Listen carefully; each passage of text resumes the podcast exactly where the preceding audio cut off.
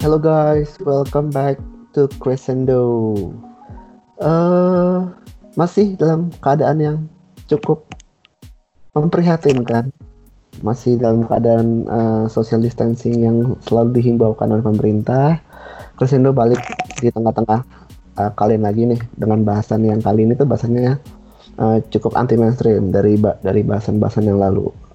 Karena uh, kita bakal memberikan sebuah bahasan tentang satu genre atau satu komunitas musik yang mungkin uh, kalian nggak uh, jarang banget kalian ketahui lah atau kalian dengar. Cuman lagu-lagu dari artis-artis yang uh, berada di komunitas musik ini tuh uh, cukup familiar mungkin uh, berkeliaran di telinga kalian. Atau enggak lu tahu sebenarnya lu tahu ini apa ini artis-artis ini pada eksis atau segala macam tapi lu nggak hmm. tahu nih asal mereka dari mana. Gitu. oh, betul betul benar benar benar masih bersama gua Adi uh, gua juga masih temani sama Satria Pamungkas. Halo Sat.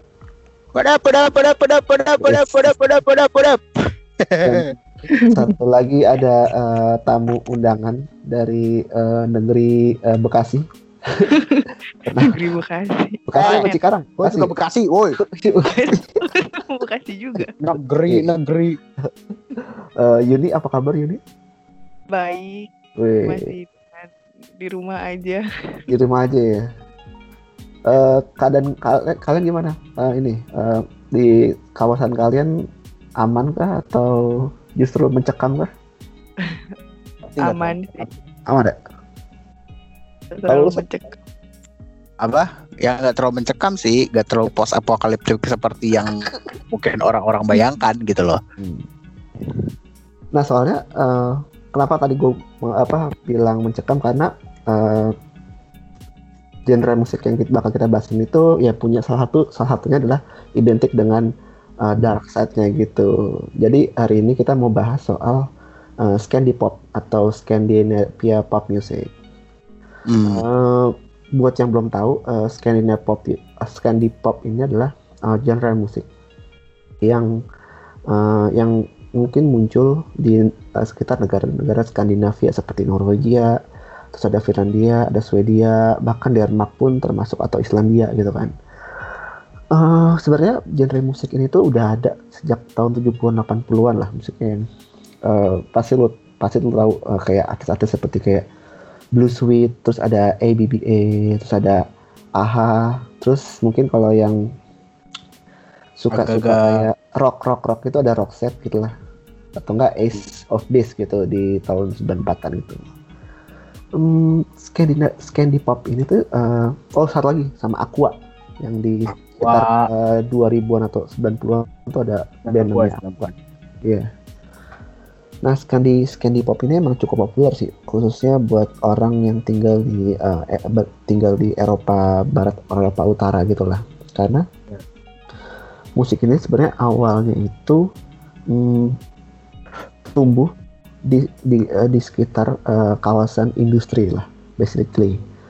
Terus juga uh, musik ini sebenarnya udah hmm, uh, root dari musik ini sebenarnya udah udah eksis tuh sejak uh, dulu perang dunia uh, ketika Soviet runtuh lah intinya kan waktu itu emang di kawasan Cold War. Iya, Cold War gitu di sekitar kawasan sekitar Baltik gitu kayak di uh, Swedia, Norway gitu emang sangat populer dengan musik-musik uh, metal lah, metal gitu kan. Namun, bentar, bentar, Bung. Huh? Ini kawasan industri bukan kawasan industri Kerawang kan? Bukan, Pak. MM 2100. Musik Melayu lah kalau di Kerawang. Cibitung, Cibitung. BK. nah, uh, ya tadi uh, lu bilang uh, yang tumbuh di awal 70-an apa 60-an gitu justru musik metal metal scene-nya gitu Nordic metal scene lah istilahnya kan. Iya. Namun ke sini makin ke sini tuh uh, musik mereka tuh makin bervariasi. Cuman tetap mengambil rootnya dari si metal gitu karena musik metal sini itu kan emang terkenal dengan sisi gelapnya, sisi apa ya, sisi hauntingnya gitu kayak bener-bener liriknya tuh pasti udah pasti galak lah.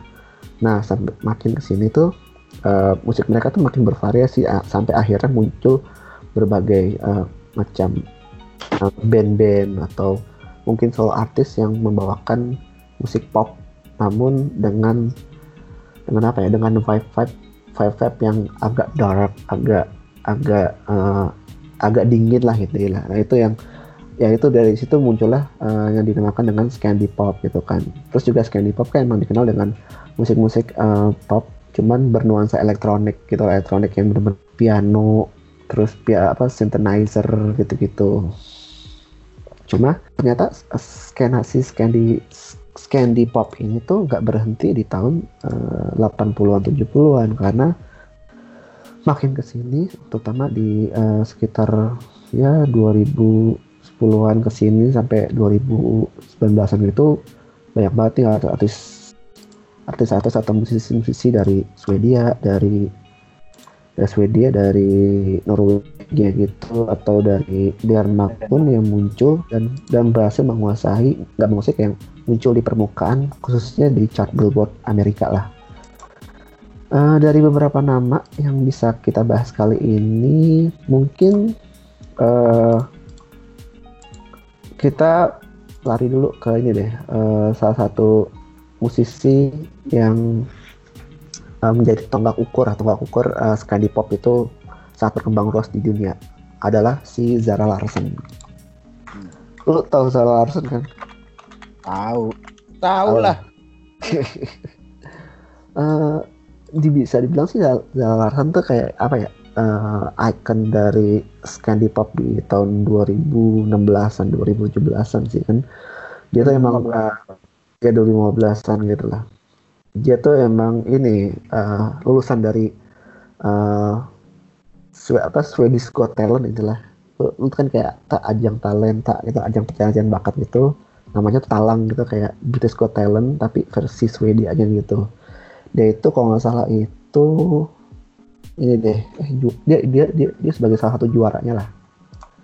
Si si Zara ini emang dikenal uh, punya suara yang walaupun dia emang artis candy pop cuman dia punya suara yang sangat identik gitu. Sana bahkan beberapa orang klaim kalau dia punya suara seperti Rihanna gitu karena di awal kemunculannya Iya awal kemunculannya ya benar. Uh, di awal kemunculannya kayak di lagu-lagu kayak di Lost Life terus ada Never Forget You itu suara dia emang bener-bener kayak suaranya Rihanna sih apalagi musiknya musik juga musik-musik yang R&B yang sedikit tropical dan sedikit ya sedikit sedikit ya kayak mirip-mirip Rihanna gitulah uh. itu yang sempat sempat kayak bikin heboh nih pas pertama kali gue dengerin si Sarah Rasen gitu kayak ini siapa nih kok mirip-mirip sama Rihanna. Apakah dia emang sosok yang terobsesi dengan Rihanna atau gimana? Ternyata enggak emang suara emang begitu kan? Emang karakternya kebetulan mirip. Karakter kebetulan mirip. Karakter suaranya ke kebetulan mirip. Iya benar tapi hmm.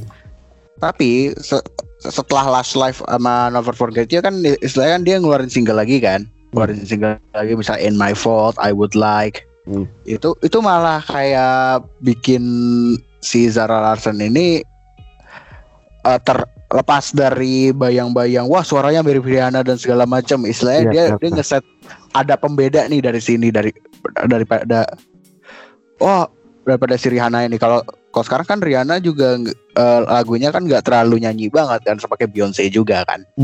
Bener-bener lagunya kayak sem kayak kayak, kayak agak-agak nge-rap rap gitu lah. Iya. Yeah. rap rapnya contohnya kayak misalnya kayak di lagunya Lemon kan dia technically dia nge-rap dan di situ kan? Mm -hmm si ya itu juga sebenarnya si salah punya punya ini punya kemampuan buat uh, buat nge juga sih basically sih. Cuman emang dia belum belum fokus untuk melakukan tersebut di project-project yang dia rilis sih belakangan ya. Um, si Zara meraih kesuksesan banyak banget kesuksesan yang dia raih sih uh, khususnya uh, pas uh, di album yang ini album keduanya dia yang So Good. Uh, di situ tuh emang menjadi album internasional. Mungkin album internasional yang benar-benar melalang melanglang buana sampai Amerika. Karena uh, dengan single-single kayak Lost Life terus kayak Never Forget You sama MNK terus sama ada juga uh, lagu kayak In My Fall dia tuh sukses uh, meraih berbagai prestasi di tangga album maupun tangga lagu di Billboard lah ya. Salah satu pencapaian yang mungkin bisa di apa ya, bisa dibanggakan itu ketika dia itu meraih nih uh, meraih apa uh, MTV ya, European Music Awards. Jadi itu Europe dia Music Award, EMA. Iya EMA. Dia itu menjadi uh, the best best new act-nya gitu di tahun 2016. Hmm. Terus juga uh, dia juga sempat masuk beberapa kali masuk ini kayak nominasi kayak Spotify Awards, terus kayak uh, Teen Choice Awards, terus kayak Radio Disney Music Awards itu dia hmm. masuk ke sana lah itu ya. Namun nggak cuman di awards awardsan juga, tapi uh, si Salarsen juga meraih banyak uh, prestasi uh, kayak misalnya pas di lagu yang si Lose Life itu dia mampu menyodok sampai ke posisi berapa ya? Posisi tiga deh di tangga lagu Inggris. Bahkan di di uh, pas di lagu Never Forget You tuh dia mampu menyodok ke posisi 13 di tangga lagu US Billboard gitulah. Billboard US 100 ya. Hmm. terus juga dia emang salah satu musisi yang emang sangat kental dengan kolaborator kolaborator ya si Salah ini kan. Mm -hmm kayak di lagu ini siapa uh, this is this one is for you this one's for you David Guetta mm-hmm. yang kebetulan menjadi theme song untuk Euro, Euro. 2016 ya kan yo iya benar-benar terus mungkin yang paling memorable adalah pas dia kolaborasi sama Clean Bandit di hmm. lagu Symphony di Symphony. 2017 ya terus selain Zala Larsen kita juga uh, mengenal sosok seperti MO MO ya bilang ya? MO Mo. Mo Mo Mo Mo. Mo. Iya Mo. Mo. Me Karen Mary Odsted Iya ini dia asal ini kan asal Denmark ya kalau salah ya. Iya Denmark. Dia penyanyi Denmark. Iya Denmark. Ya. Danes si ini tuh apa uh, si Mo ini dia apa namanya dia pertama kali kedengeran namanya itu pas dia kolaborasi sama Diplo sama Iggy Azalea ya kan hmm. dan istilahnya jadi kayak uh, frequent voice buat para para ini kan mus eh, para IDM artis karena hmm. karena menurut gue si Mo ini punya kayak karakter suara yang yang inilah ya sa- itu suara tinggi kan ya? Tinggi banget ya suara kan? Uh, tinggi sekaligus juga ada karakter ya sih hmm. makanya walaupun pada awal ya gue pada awalnya suara dia itu hampir mirip kayak gue kayak yang kayak yang Zara Larsen kan. Istilahnya dia suaranya hampir mirip sama siapa gitu kan. Kalau si Mo ini menurut gue itu apa namanya suaranya tuh hampir mirip sama Charlie XCX. Oh iya, yeah, I see. Ya, itu yang pas gue denger pas gue denger lagunya yang sama Iggy Azalea itu. Iggy Azalea, ya ya ya. Ya. Nah, habis itu dia juga turut andil dalam revolusi revolusi EDM pada saat di 2015. 2000 ya, 2016 an ya. 2015 dong. Oh, 2015 ya. Iya, 2015 uh, ketika dia berkolaborasi dengan Major Lazer dan DJ Snake di, di lagu di lagu Lean On. Ya kan? Setelah itu udah tuh banyak banget tuh banyak banget kolaborasi-kolaborasi misalnya kayak sama Snake Hips, ya kan? Hmm. Terus juga dia dia juga kembali bikin ini juga sih bikin uh, gebrakan atau menc apa menciptakan sukses hit ya ma apa Major Lazer juga itu Cold Water yang sama Justin Bieber. Oh iya sama Justin Bieber juga bagus tuh lagunya sama ada si dianya sih.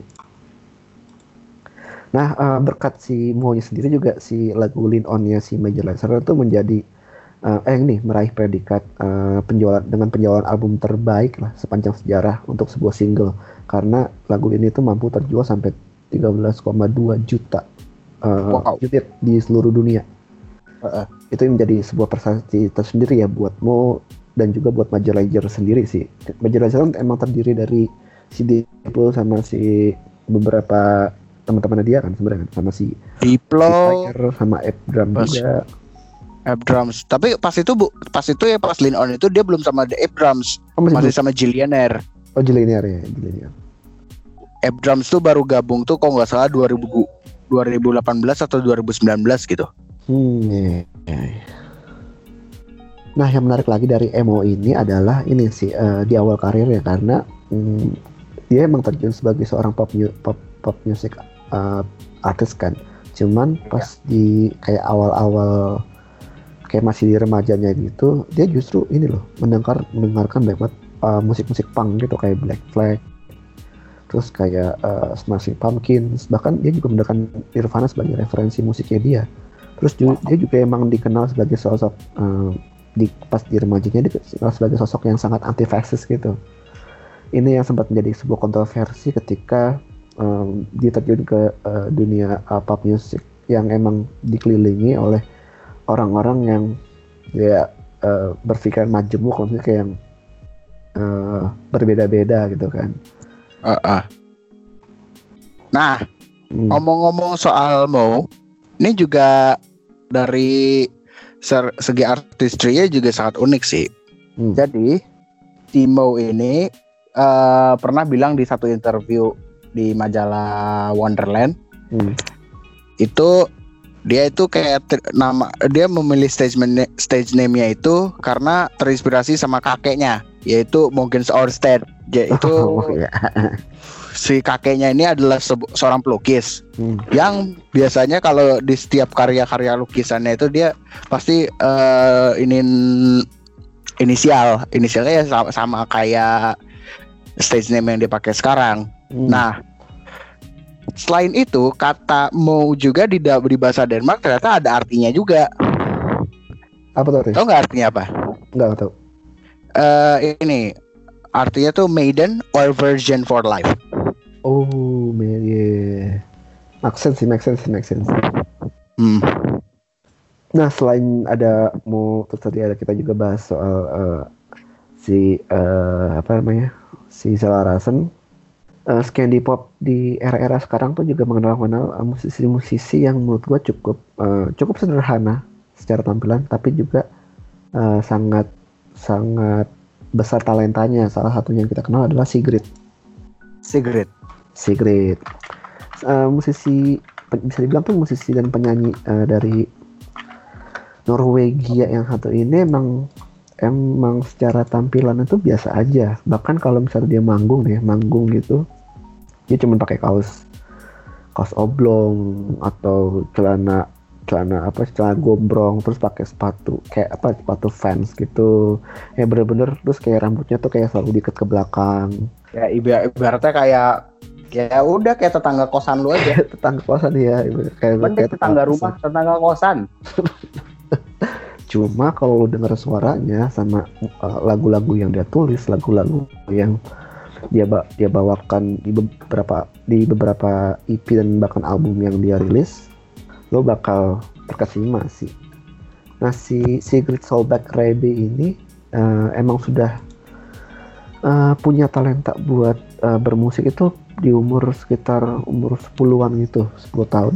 Bahkan di umur 17 dia membentuk sebuah band bernama Salah Size Salah Size Mip bersama uh, kakaknya apa kalau kakaknya namanya Joan ya. Si Sigrid ini tuh emang di baru bisa me, apa, ya, mengibarkan namanya di belantika musik Norwegia atau Eropa itu pasti gabung sama Iceland Records. Ketika itu dia merilis Island Records. Ya Island Island Record dia itu merilis lagu uh, ber, berjudul Don't Kill My Vibe. Uh, yang langsung trending di mana-mana sih bener-bener kayak trending.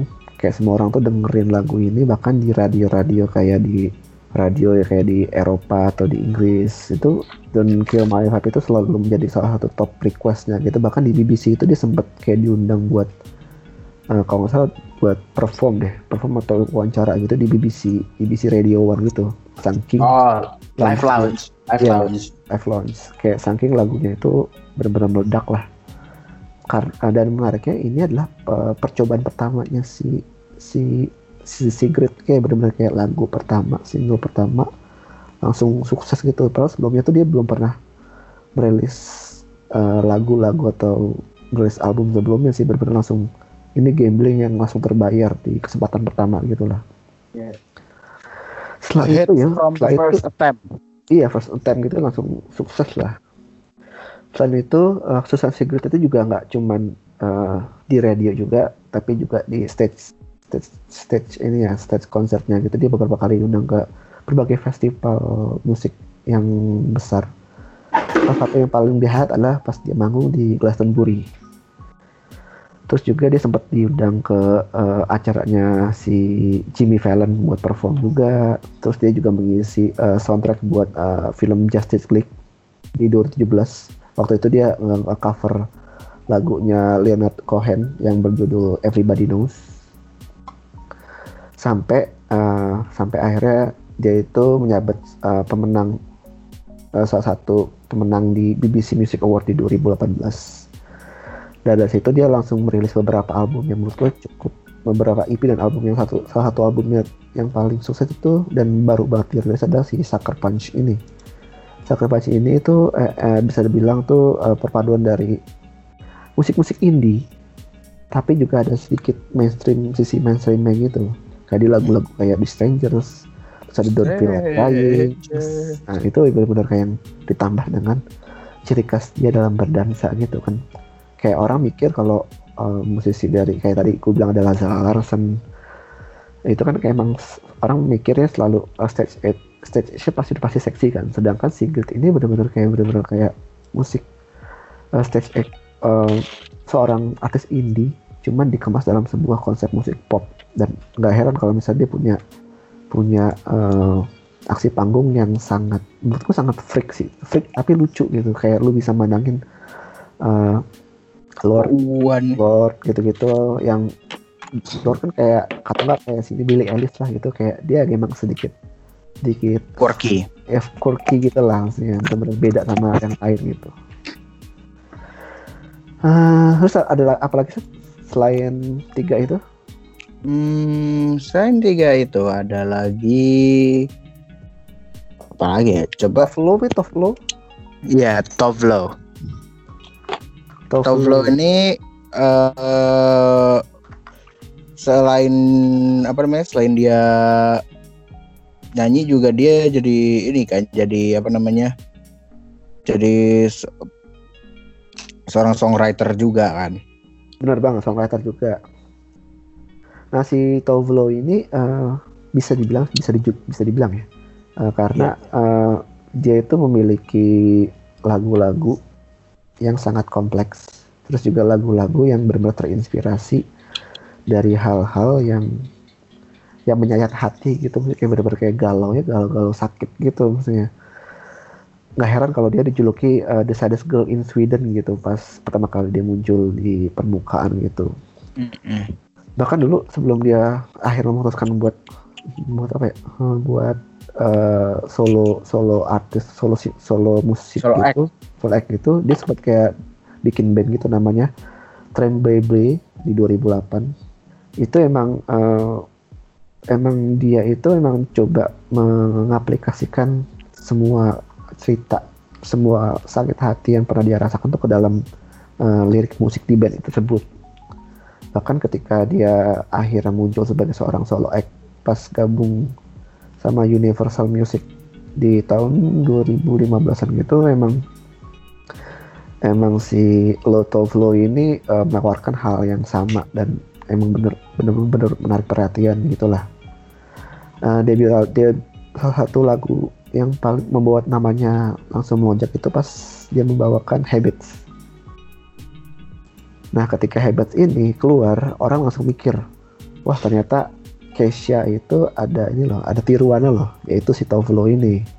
Karena dengan lagu Habits itu si Tovlo tuh coba coba meng mengangkat apa ya mengangkat uh, image uh, image yang benar-benar kayak dia itu seorang yang dia penuh dengan kedepresian terus juga benar-benar uh, cewek yang ya bodoh amat gitu sama lingkungan sekitarnya gitu gitu lah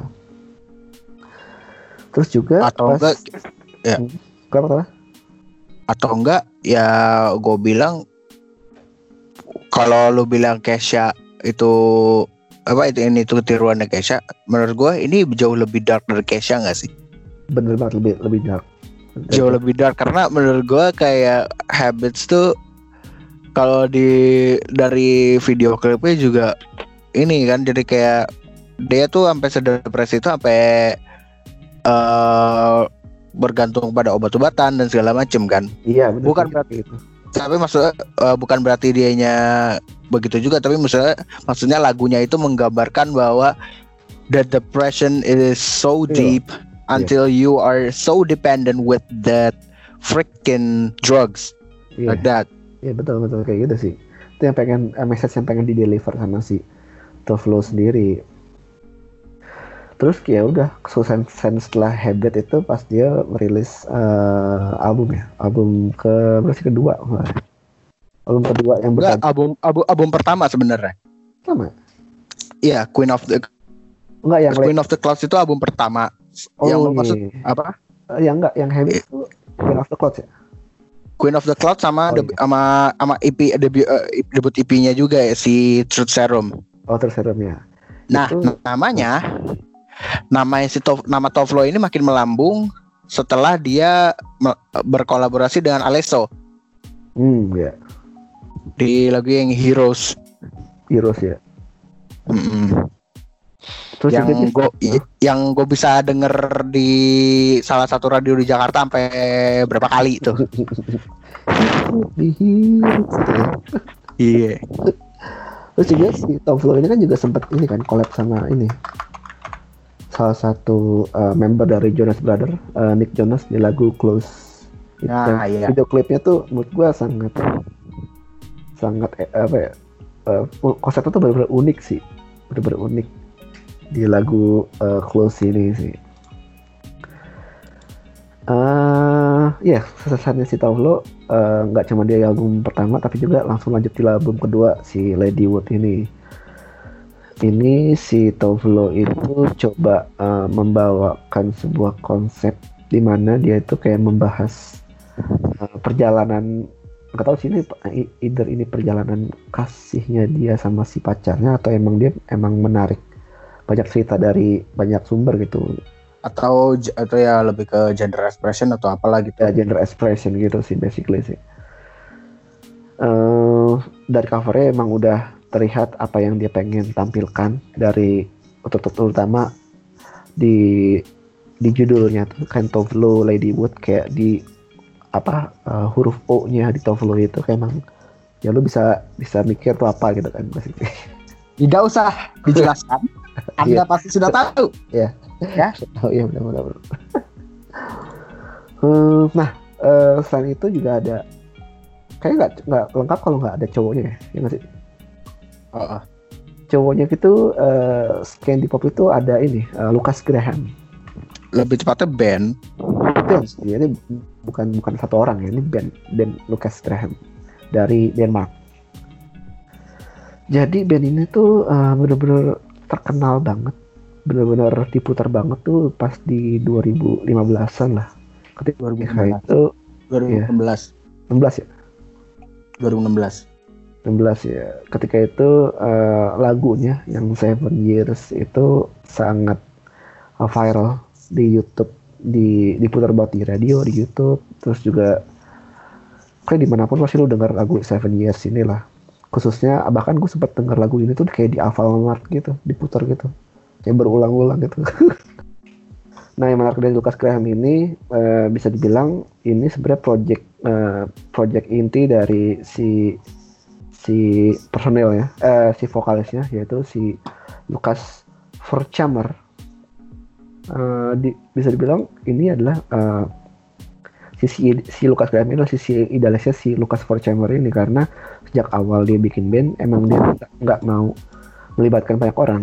Dia pengen lagu uh, projectnya ini itu tuh benar-benar diproduksi sama uh, sama dia sendiri lah basically Gak okay, cuma okay. dari uh, productionnya tapi juga uh, ini apa kayak uh, creative writingnya gitu benar-benar yang ditangani oleh si Lucas Forchamber ini cuma emang dia itu buat manggung emang pasti dia ada kebutuhan buat manggung kan makanya dia mengajak kayak drummernya si Mark Farger terus juga ada basisnya si Magnus Larusen bahkan hmm. beberapa hmm. beberapa temennya dulu juga sempat diajak buat bikin buat manggung gitu kayak si Andreas Kirk sama Kasper Dorgard. Hmm. Um, Nah, uh, kesuksesan ini juga diikuti dengan beberapa kali dia diundang tampil di acara-acara uh, reality show atau acara-acara talk show gitu di Amerika kayak di uh, Late Night with Seth, Seth Meyers, kayak Ellen DeGeneres dia sempat manggung juga, terus juga ada di Late Late Show with James Corden juga sempat manggung, sampai bahkan dia bawain Seven Years itu di Good, Good Morning America karena waktu itu Seven Years uh, sempat meraih uh, posisi chart yang cukup lumayan lah di Billboard uh, Billboard 200. Wow. Uh, tadi udah kan kayak Lucas Ma, Lucas Graham tuh udah udah tapi sebenarnya itu kayak termasuk salah satu one hit wonder sih karena uh, sampai sekarang ke sininya itu uh, belum uh, mereka tuh belum bisa melahirkan sebuah lagu yang sepopuler si Seven Years ini bahkan di di album yang terakhir yang berjudul Tree menurut gue cuman lagu Love Someone yang bisa bisa di ya nggak walaupun nggak setara dengan Seven Years masih bisa diandalkan si Lucas Graham buat jualannya lah di sekarang-sekarang. Cuman ya itu di album Tree-nya itu nggak terlalu sukses sih. Secara secara apa secara prestasi. Walaupun dia memang suksesnya um, memuncaki ini memuncaki chart album di di Denmark sendiri cuman ketika ngomongin soal di luar memang nggak nggak terlalu sukses di album yang Three ini. Selain Lucas Graham kita juga punya Aurora. Aurora. Aurora ini nggak tahu sih uh, akhirnya. Aurora ini uh, bisa dibilang beda dari dari dari uh, musisi yang tadi kita sebutin sebelumnya. Beda banget. Dan uh, Yuni ini di sini sebagai seorang fans fans berat ya, fans berat Aurora sih. ya nggak berat-berat amat sih, tapi lumayan. Lumayan ikutin ya? Lumayan banget banget sih dari album dia yang pertama sama single-singlenya dia juga yang lu lihat dari Aurora ini apa sih musik yang spesial dari si Aurora ini selain dari dari lu bilang dari musiknya yang benar-benar bagus pertama denger sih kagum sama liriknya ya. Kayak wah ini lagu-lagu dia kok musiknya different banget. Terus liriknya juga beda kayak lebih ke puitis terus main-mainnya aku ke analogi-analogi kan. Dia nggak hmm. langsung nyebutin makna di lagunya dia tapi kayak kita harus nyari sendiri dari makna lagunya itu apa gitu. Hmm, asik sih seru banget. Nah nah si Aurora ini emang sebenarnya uh, dari kecil ya. Dari kecil emang udah dididik buat ini sih buat bermusik lah intinya. Bahkan uh, sama iya keluarganya itu emang dia di sempat kayak di bisa dibilang sempat dilesin lah di untuk berbagai alat musik. Cuman dia itu baru menemukan passion yang benar-benar dia bermusik itu di umur 12 tahun.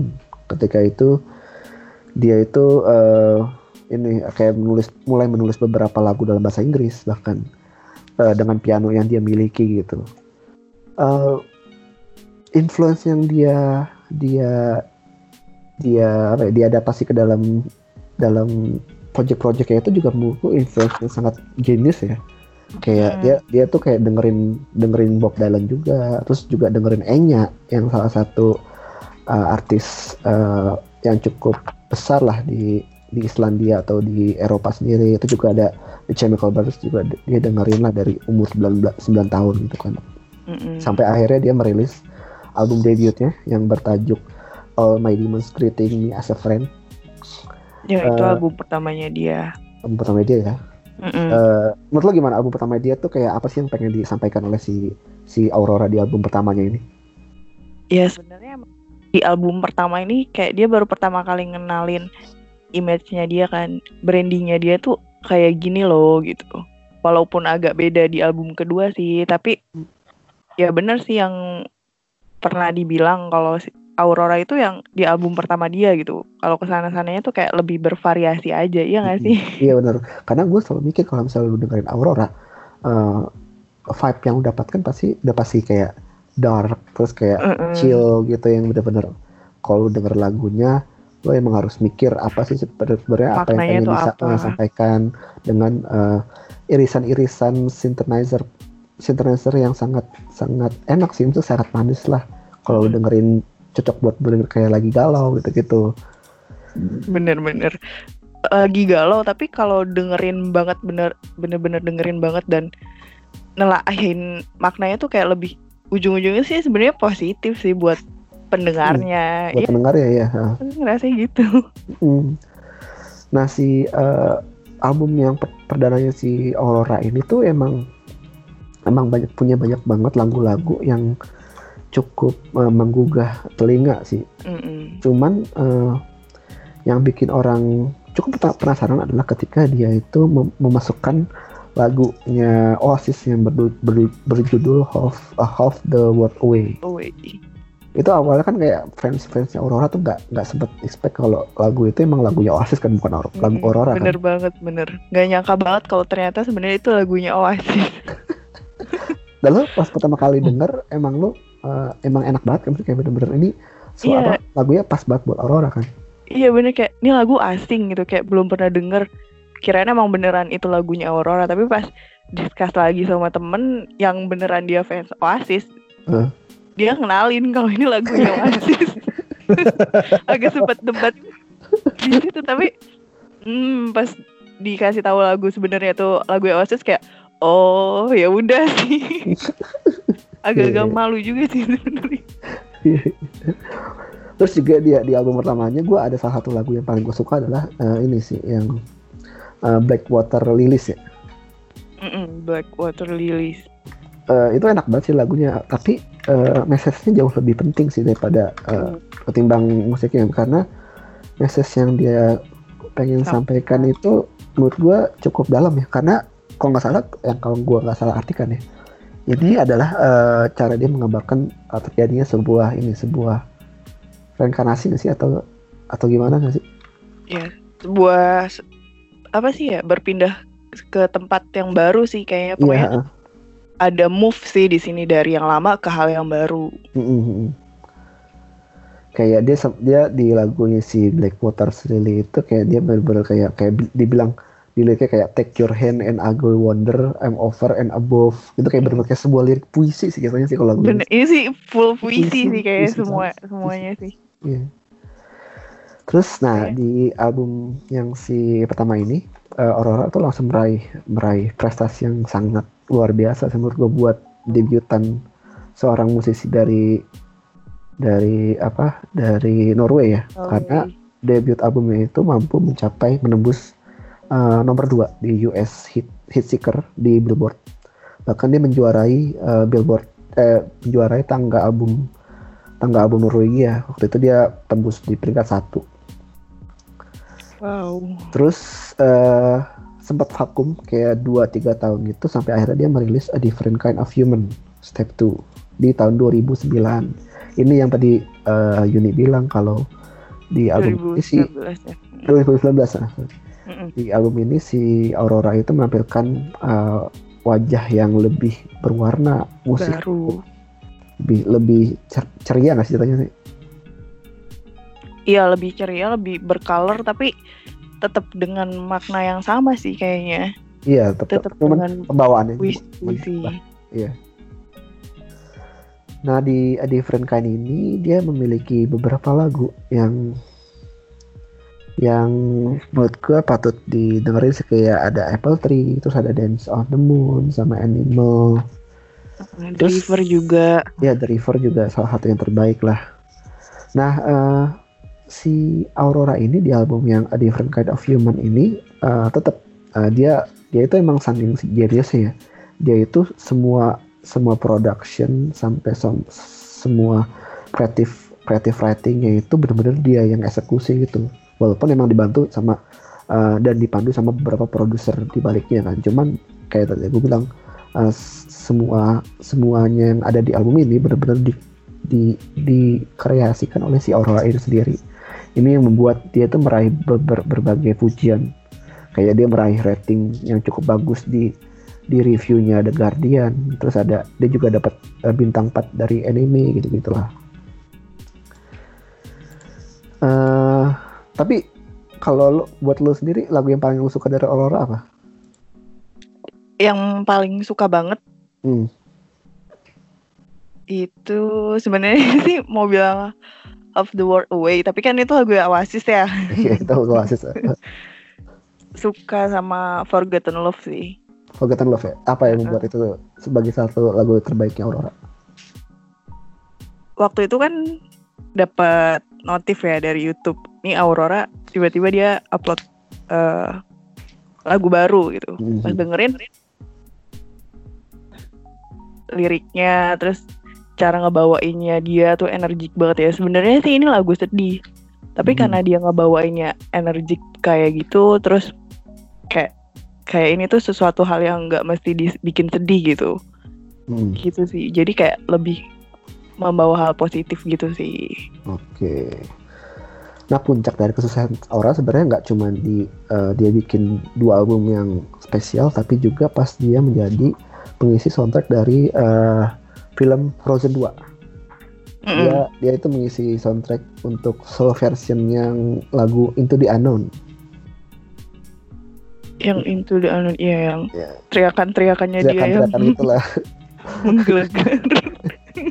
dia itu collab dia, dia itu collab sama si Idina Menzel yang memang udah sempet eh, mengisi soundtrack di Frozen 1 kan. Cuman di Mm-mm. Frozen kedua emang dia berkolaborasi sama si Aurora ini dan eh, lagunya emang emang cukup ini sih ear catching banget sih. Apalagi Nyambung banget sih sama nyambung dia, banget. ciri khasnya dia sih Ciri khas sebenarnya. banget, ciri khas banget Mm-mm. kayak ya lu bayangin kayak salju terus kayak eh, Frozen itu kan tahu kayak animasi yang bener-bener kayak yang princess terus yang Frozen kan Norway banget sih. Norway sebenarnya. banget sih, Norway banget. Norway banget dan dapat Aurora tuh kayak menggambarkan Norway. Iya benar, Dari- benar, iya. Kulitnya dia, rambutnya dia putih banget gitu. Menggambarkan salju sih sebenarnya. Salju ya. itu ya Frozen salju banget tuh. salju banget ya benar benar benar. Ya itu yang tadi bilang si Aurora itu eh, emang cocok dengan lagu Frozen-nya ini sih Gak Hmm. heran kalau lagunya si eh, apa Into the Unknown-nya si versinya Aurora ini eh, sempat menjadi perhatian lah. Apalagi pas filmnya sebenarnya filmnya nggak terlalu sukses sebenarnya kayak nggak terlalu sukses seperti film Ya, pertama. cuman lagunya itu yang viral sampai beberapa be- beberapa orang tuh kayak bikin meme-nya gitu meme meme meme TikTok di TikTok ada deh kayaknya. Ya banyak banget kan. Apa teriakannya dia tuh. meme meme-nya si Into the Unknown versi Aurora gitu lah. Sebenarnya eh, banyak banget artis eh, candy pop yang belum kita sebutin kayak misalnya ada juga kayak Julie Bergen terus ada juga Anna of Anna of the North terus juga ada.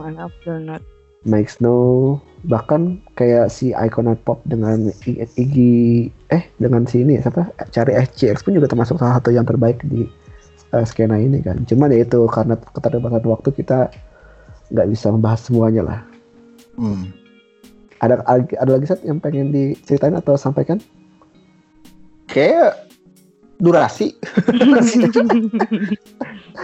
ya udah semoga eh, bahasan kita di episode Crescendo spesial edition Scandi Pop ini cukup memberikan insight terbaru buat kalian atau pengetahuan yang fresh eh, di tengah kondisi pandemi virus corona. Semoga cepat membaik kondisinya.